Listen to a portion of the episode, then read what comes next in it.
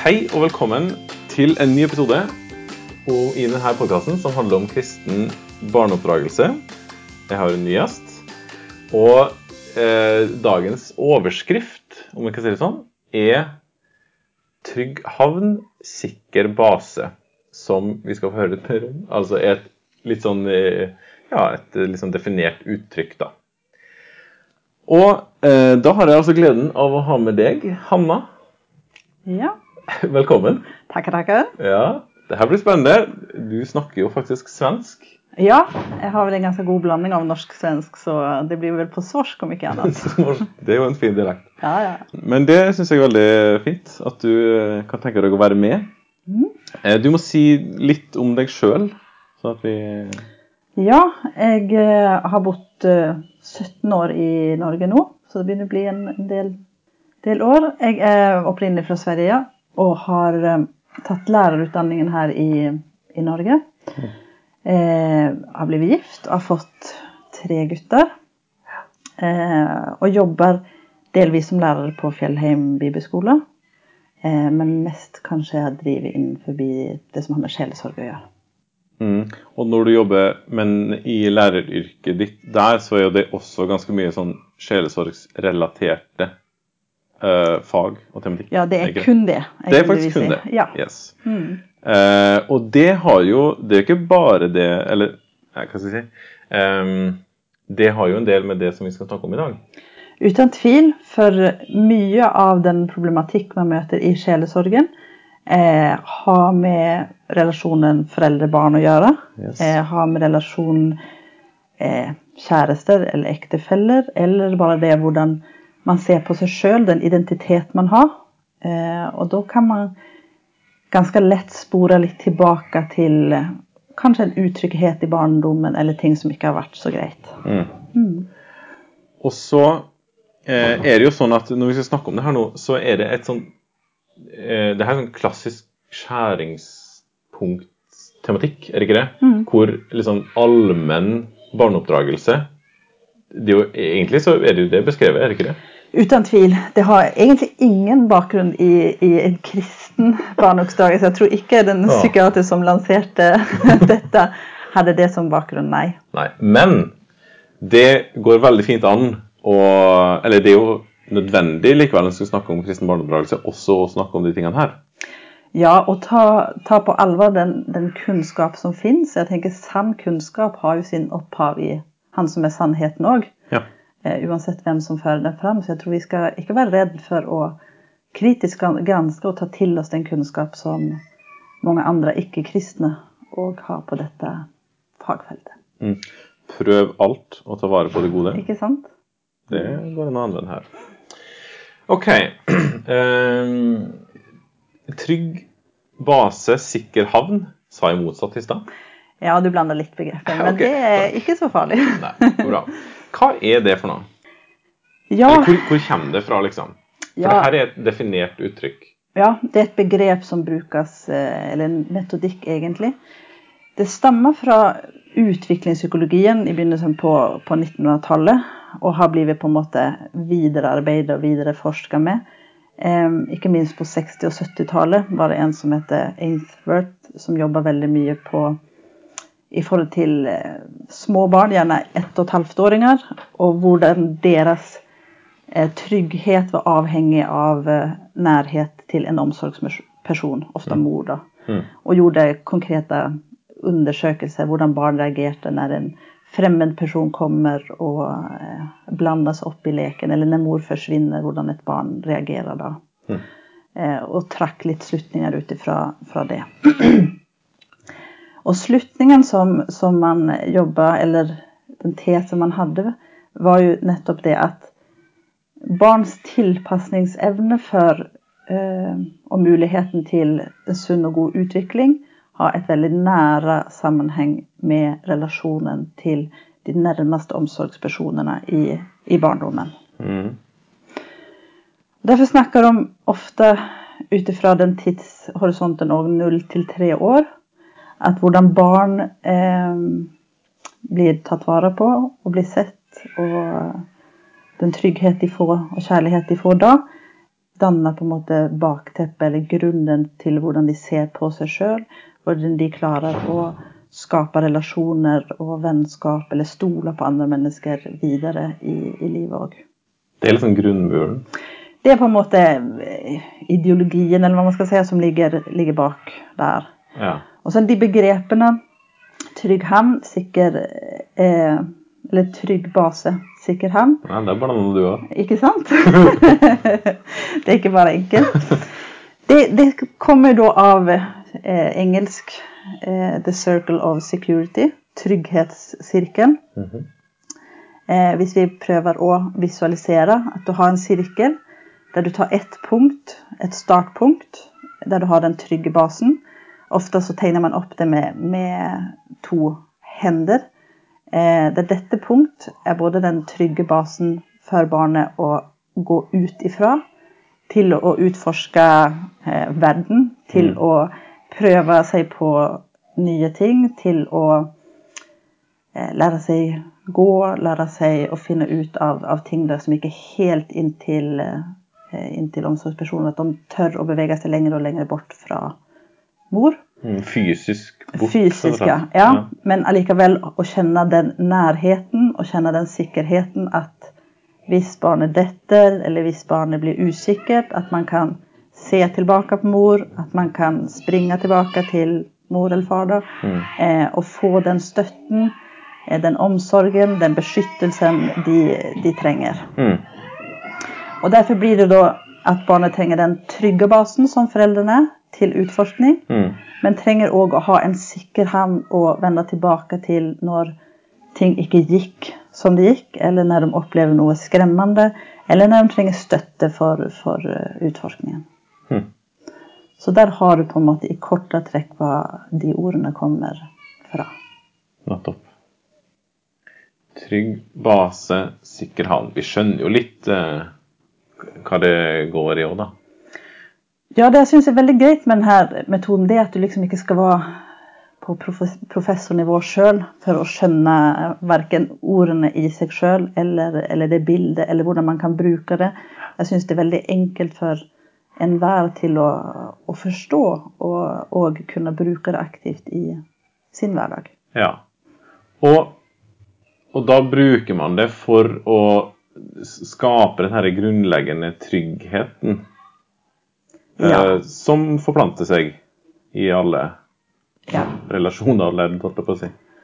Altså, vi vil jo at barna våre skal, skal vokse, ikke bare fysisk, men òg i kognitivt, emosjonelt, sosialt. At de skal eh, på en måte få en trygg identitet sjøl, og òg skape relasjoner til andre mennesker rundt seg. Mm. Men da er på en måte den grunntryggheten, den grunnfundamentet de må ha, det er trygge voksne rundt seg. Foreldrene i første hand, eller andre om, nære omsorgspersoner. Mm. Hvordan kan man vite eh, For det, det ligger jo noe eh, Hva skal jeg si, da? Det, det kan ligge en sprengkraft i det her til overbeskyttendehet. Ja, Det var et nytt ord. Er det ikke det? Absolutt. Altså, altså du, jeg, jeg har jo liksom eh, Fra min oppvekst så husker jeg vi himla med øynene, liksom. Eh, mora der, liksom. Mhm. Alltid så Ja. Lot aldri være med på noe, liksom. Eller et eller annet sånt. da. Ikke sant? Men det er noe med denne eh, sirkelen brukes jo først og fremst om, om den utviklingen som skjer i de tre første årene. Selv om den absolutt er brukende selv om barna og ungdommene blir eldre. Eh, men de som eh, Det er kanskje særlig når relasjonen barn-voksen er vanskelig, og man får en utenfor som skal se på samspillet mellom eh, barn og foreldre, Mm. så ser man kanskje at like ofte så ligger kanskje ikke problemet hos barnet, men i den voksne, som kanskje er så utrygg på seg sjøl, og bruker barnet som en, en sikkerhet eller som en del av sin identitet. 'Jeg er mor, og derfor det er min viktigste identitet', og derfor skal barnet på en måte alltid sitte på fanget mitt, og den skal alltid være i nærheten, og jeg skal alltid ha kontroll. Og det kanskje egentlig handler mer om å ha kontroll over seg sjøl eller enn nettopp barnet sitt. Mm. Så det fins mange usunne ting som kan spille inn der. Ja, det her er jo en kjerneting jeg tenker, for at, eh, Det har jeg jo tenkt sjøl når vi snakker om det med kristen barneoppdragelse. At uh, det jo, det er jo Altså Man eh, projiserer, heter det? Mhm. Ja. Eh, det man sjøl på en måte kommer ifra, da. Uten tvil. ja, ens identitet, liksom. Og enten man vil det eller ikke, Ja. så går det over på barna. Eller det liksom føres videre, da.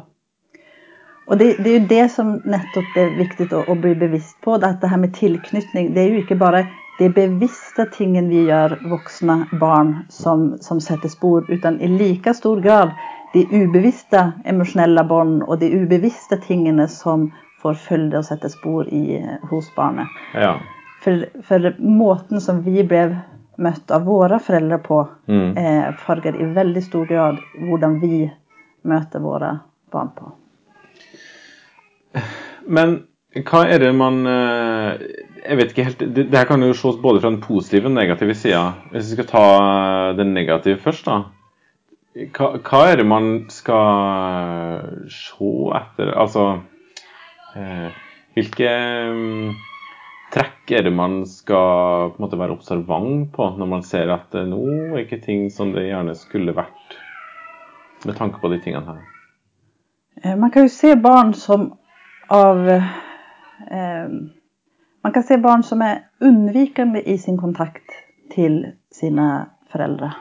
Ja. Eh, de har møtt avvisning så mange ganger, eller føler kanskje at når jeg er snill og grei, så er det greit å komme til mamma og pappa. Men når jeg er sint og egentlig er redd eller trenger å få hjelp til å sortere følelsene mine, Ja. så har jeg bare blitt møtt med, med avvisning. Eh, og sånne barn kan, kan holde avstand til sine foreldre. Hmm. Eh, og få vanskeligheter med å selv organisere de, de mange følelser og inntrykk de har, som en voksen bør være med og hjelpe barnet til å forstå. Mm. For det er veldig mye et barn møter som, som er vanskelig for oss, særlig jo yngre barnet er, at på egen hånd finne ut av. Mm. Eh, Så det er en ting å se efter. Hvis, et barn har en, unnvikende væremåte overfor sine foreldre. Mm. Eller at de har en veldig ambivalent eh, tilknytning. At det ser ut egentlig som barnet ønsker og vil leke og finne på ting, og samtidig så løper de hele tiden tilbake til mor eller far, liksom for å sjekke er de til stede. Eh, noen barn har opplevd Man er ikke helt trygg, på en måte? Nei, man er ikke helt trygg, og så har de opplevd å bli forlatt. Ja. At mor og far stakk av gårde uten å si ha det. Og for særlig et litet barn, så, er, så lenge ikke den konkrete fysiske personen er der, så har barnet ikke lært seg at men mamma eller pappa kommer tilbake ennå. Jo yngre barnet er, desto viktigere å se den fysiske personen. Jo eldre barnet blir, kan det lære seg at har mamma sagt at jeg kommer tilbake, så kommer hun tilbake. Man har bilden av mamma i hodet. Mm. Men for et litet barn er den fysiske tilstedeværelsen veldig, veldig viktig. Mm. Og barn som har opplevd at mor og far bare forsvant for en kortere eller lengre tid, må ha en sånn væremåte at de hele tiden springer fram og tilbake, eller er veldig klengete, eller klamrer seg fast, for å være sikker på at eh, foreldrene ikke forsvinner. Mm. Det tredje og kanskje mest eh, alvorlige eh, måten man kan se på, på tilknytning hos barn på, det er den desorganiserte tilknytningsmønsteret. Det er barn som trenger foreldrenes støtte og omsorg, men har ikke mulighet til å få den. For det er hos foreldren eller omsorgspersonen som det skremmende fins. Barnet er redd sjøl, men kan ikke henvende seg til den som egentlig skulle være der til å støtte dem. Så da har de ingen trygg base? Nemlig. Og ingen sikker havn å gå til heller. Og disse barna kan være i utgangspunktet litt vanskelig å oppdage. For noen ganger så spiller de et spill eller gir uttrykk for at de er så enormt selvstendige Ja. og klarer seg så godt sjøl. Mens de på en måte er deres overlevelsesinstinkt, fordi de har ingen annen å stole på enn seg sjøl. Det her kan gå ganske langt, det her, De trekkene som du beskriver nå, kan gå ganske langt opp i alder? kan de ikke? Uten tvil. Og For nå er det ikke null til treåringer lenger lenge vi snakker om. Eh, Selv om treåringen kan være ganske selvstendig. Ja, ja, uten tvil. Uten tvil. Men, men det er vel kanskje fælt når man har sett barn som har vært utsatt for omsorgssvikt. Eh, og selv når de er 10, 12, 15, 18 år Mm. så lever de fortsatt efter det prinsippet at en som er sterk Jeg må klare meg på egen hånd. Jeg kan ikke helt stole på andre, for plutselig så er de ikke der likevel. Hva har skjedd da? Altså, det kan jo sikkert være flere ting, men i et menneskes liv som har opplevd noe sånt? Eh, noen ganger så har en eller begge foreldrene hatt psykiske problemer sjøl. Eller det har vært snakk om eh, rus eller misbruk eller avhengighet. Og foreldrene har på en måte ikke vært i stand til å verken ta vare på seg sjøl eller sitt barn. Eh, det kan òg være sånn at barnet har en trygg tilknytning til den ene forelderen, men ikke til den andre. Og det hjelper på enormt mye for barnets videre utvikling. Bare de har én person de kan på en måte som kan være både deres trygge base og sikre ham. Mm. Jeg syns det var litt positivt, da. Hvordan kan man eh, ja, hva skal jeg si, fremme at et barn kan få den opplevelsen? Det som er så fantastisk med med det det barn vi søker etter her? Ja, Ja. eh, og det er jo at, at de er så fleksible, og de er så på en måte formbare, samtidig som de er så sårbare. Mm. Og selv da om de ikke får eh, det de trenger fra de nærmeste, så kan en eh, barnehagelærer, en lærer på skolen, en helsesøster, en nabo, en bestefar, eh, en venn av familien være den ene eh, som utgjør den enormt store forskjellen for det enkelte barn. Mm. Og Det er derfor jeg syns denne modellen er så god òg, for med relativt små grep, bare gjennom å se og være til stede og støtte og, og vise barn omsorg, så, så kan man eh, gjøre en veldig stor forskjell. Ja, både som person rundt en familie, men selvfølgelig også som forelder Mm. i den enkelte. For dette, altså, hvem får til det her til enhver tid i døgnet? Nettopp. Men det er vel kanskje snakk om at det er en slags eh, bunnlinje her, da. Eh, som Ja. likevel er der. For at vi, vi blir jo sint, sant, og, og oppleves ikke alltid som en trygg havn. Nei. Og, og det presenterer, syns jeg de presenterer på en veldig god måte òg at eh, Som forelder kan man bli fryktelig redd eh, noen ganger òg, og man kan, eh, man kan snakke strengt eller man kan være sint på, på barnet sitt. Men det ligger alltid en mulighet til reparasjon. Mm. Eh, hvis man da efteråt forklarer barnet sitt hvorfor jeg ble så redd, det kom en bil som kjørte så fort, og jeg måtte bare trekke deg vekk fra gaten selv om jeg tok hardt i deg, eller selv om jeg ropte med en sint stemme, Mm. fordi mamma var så redd at det skulle skje noe. Og hvis man etter, i etterkant forklarer det for barnet, så er på en måte så er relasjonen reparert. Mm. Og da er ikke den enkelte episode noe skremmende. Men det er når det blir på en måte Regelen er det at eh, eh, At det er utrygt, Ja. og ikke at det er et unntak. Det er da denne her trygghetssirkelen blir rokka, eller ikke er den trygghetssirkelen som den skal være. Du, jeg har lyst til å spørre spørsmål. Hvordan kan man som foreldre, når man er to foreldre, eh, liksom reflektere litt, eller hjelpe hverandre da, til å bli eh, trygge baser og sikre havner? For her vil jo sikkert den ene på en måte falle lettere for den andre, liksom. Eller jeg vet ikke Og, og mann og eh, far og mor skal jo være forskjellige òg. Så det er greit. Men hvordan kan man snakke litt om det likevel? Som foreldre, da. Um, jeg er litt usikker, men en, en ting som jeg har, har tenkt litt igjen på når jeg har, har um, jobba litt med det her temaet, det er at det kan også generelt bli sånn at, eh, at pappene er oftere kanskje den trygge basen som eh, støtter barnets utforskning, eh, fryder seg over barnet når de klarer ting, har det gøy med meg, skal hjelpe barnet å stadig nå nye mål. Mm. Springe etter sykkelen og sånn. Ja, litt igjen, litt igjen den. Mye aktivitet og utvikling. At man ser på en måte at, at barnet vokser og blir større og sterkere og sånn. Eh, og så er det kanskje generelt sånn at når barnet trenger at, at bli tatt imot når det har slått seg, eller når det trenger støtte eller omsorg, eh, eh, ja, trøst, eh, så løper man til mamma. Ja. Eh, det bør ikke alltid være sånn, men jeg tror det er viktig at man blir bevisst på at som forelder så, så skal jeg være på en måte hele sirkelen. Mm. Eh, vi skal ikke dele opp oss at eh, far tar den delen og mor tar den delen. Nei. Det er viktig at, at barna kjenner at både mor og far kan være min trygge base og min sikre havn. Viktig. Nyttig. Men jeg vet egentlig ikke om du har svar på ditt spørsmål. Ja, det var god refleksjon likevel. Og det er det vi driver med her.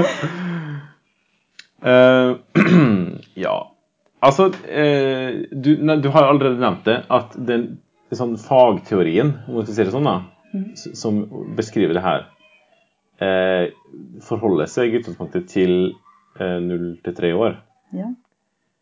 Men så ser man jo konsekvensene av det sen til Eller ja, etter, eller forlengelsen av det, da, i ungdomsliv, en ungdomsliv, f.eks. Mhm. Men eh, kan man si noe mer om det her? Sånn aktualisering, på en måte? For barnet lærer seg jo å sykle på et tidspunkt. Mhm. Du trenger ikke å springe da. Jeg må jo ferdig med det, liksom. sant? ja. Ja.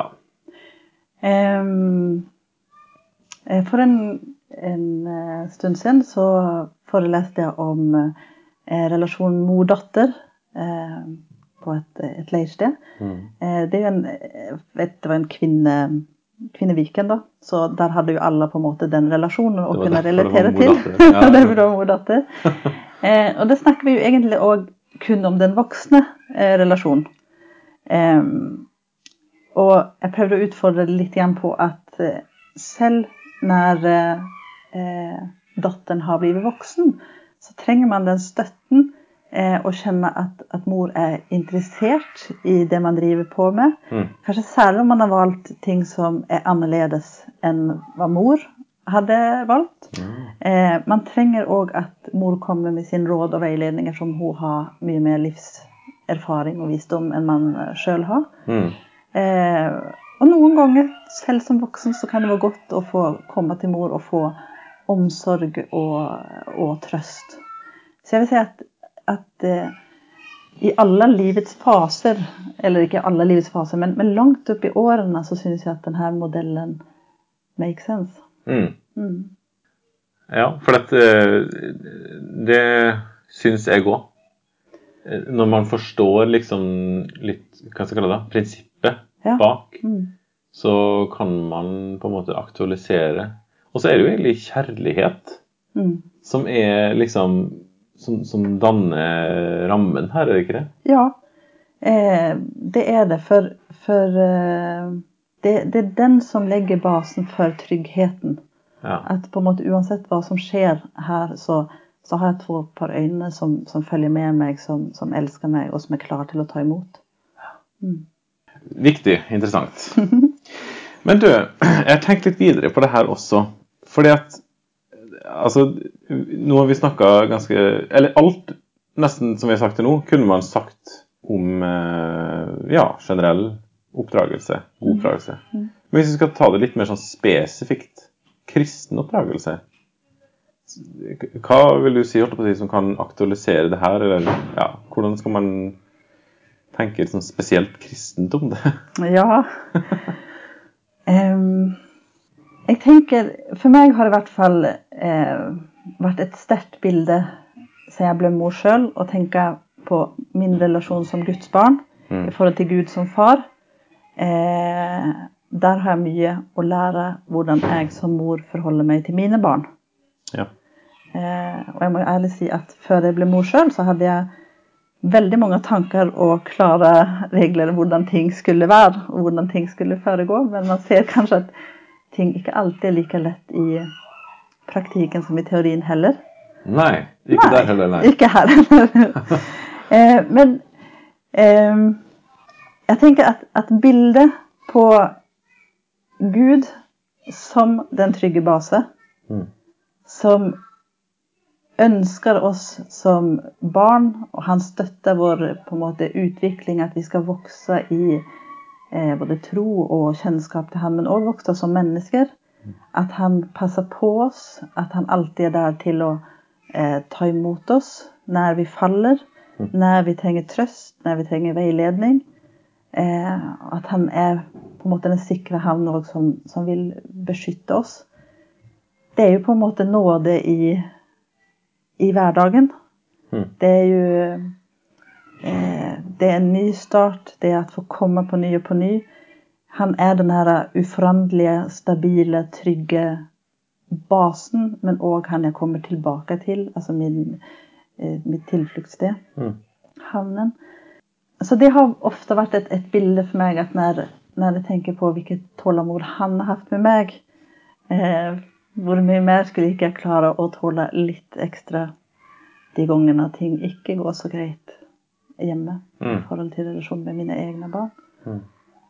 Så jeg syns det er et, et fantastisk flott bilde på eh, hvordan Gud som far eh, Hvordan han får være et forbilde for oss som foreldre i møte med våre barn. Mm. Mm. Ja, for jeg tenker jo på lignelsen om den bortkomne sønn Ja. her i Lukas 15. Mm. Da er jo faren som slipper han der villstyringen Mm. og opprørske Mm. sønnen av gårde, Mm. men speider jo etter han. Så han er liksom til enhver tid eh, Klar å ta imot. Ja, Mm. hendene liksom da. Mm. Og så tenkte jeg også på det som Jesus sier i Matteus 23, 37. Der han uh, har uh, hatt en lang rekke med vedrop over Jerusalem helt på slutten eller i påska. da. Og så um, sier han at han så ofte ville samle dem som en hønemor Mm. samler uh, sine kyll kyllingene under sine vinger. Mm. Men dere vil ikke. Mm. Og det er jo også Det er jo det her, altså samle, sant. Eh, og ta hånd om at Jesus vil være den Ja, vil være sånn for oss, da. Mm. Og da er det jo det vi lærer vi, vi lærer jo våre barn noe om hvordan Gud er, gjør vi ikke det?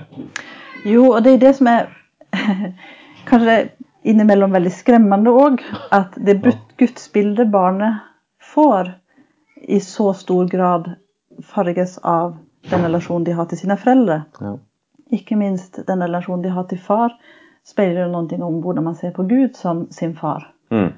Eh, og derfor er det på en måte en sånn eh, det, er et, det er jo en gave, men det er òg en oppgave å få et barn. Og det, det ligger jo et, et veldig stort ansvar når vi får på en måte ta vare på og være med og eh, Være med og, og gi det barnet det den trenger.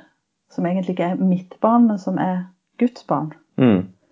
Eh, Så det ligger mye i bildet som man kan, kan overføre òg i, i kristen oppdragelse. Absolutt. Mm. Veldig eh, spennende. Du, vi er kommet til eh, frisparket i dagens episode. Og det har du sagt på forhånd, at frisparket ditt og svaret på spørsmålet hvordan eh, vi kan lede våre barn til Jesus, sånn at de følger han og fortsetter med det, det går litt i ett.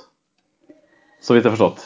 Ja, jeg tror, jeg tror nok det i hvert fall. Håper det. At det skal være noe litt oppsummerende. Vær så god, skyt. Takk, takk. Um, man bruker si at det er et, et mantra i denne trygghetssirkelen. Eh, og det det syns jeg var litt finurlig skrevet, for man sier at alt du trenger å vite om barneoppdragelse, eh, rommes i 20 ord.